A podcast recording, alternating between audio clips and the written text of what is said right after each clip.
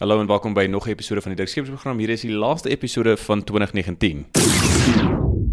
Ja, natuurlik, die jaar is op sy rug. Ek doen hierdie podcast al van 2015 af. Dit is altyd snaaks vir my om te besef hoe vinnig die tyd verbygaan. En intussen het die formaat van die Dikskepersprogram bietjie verander, maar die ware nood was nog steeds die stake wat Afrikaners raak waar ook al onsself ter wêreld bevind. Nou, ek het nie 'n YouTube kanaal nie want ek het 'n gesig vir radio, maar die audio van die Dikskepersprogram is wel beskikbaar op die Pod Media se YouTube kanaal. So jy sal dit daar kan fit as YouTube is die manier wat jy daarna wil luister. Nou die rede hoekom ek YouTube opbring spesifiek is omdat ek nie wil maak soos ander YouTube mense daar buite. Ek praat nou spesifiek van Willem Petzer. Hallo guys, my Gene Pan. En natuurlik is daar mense soos Ronaldo Gous, baie intekenaar, maar hy het nie 'n probleem om soos byvoorbeeld toe met Erns Roots sê you won't answer me on Twitter bro en al daai tipe van goed doen om meer intekenaars te probeer kry nie. Hierdie program brei trots Afrikaans en trots Afrikaner gefokus. Weereens, ek probeer hierdie potsending so eerlik, oop en onarrogant as moontlik te hou met so min sensasionalisme as moontlik. Met dit alles gesê,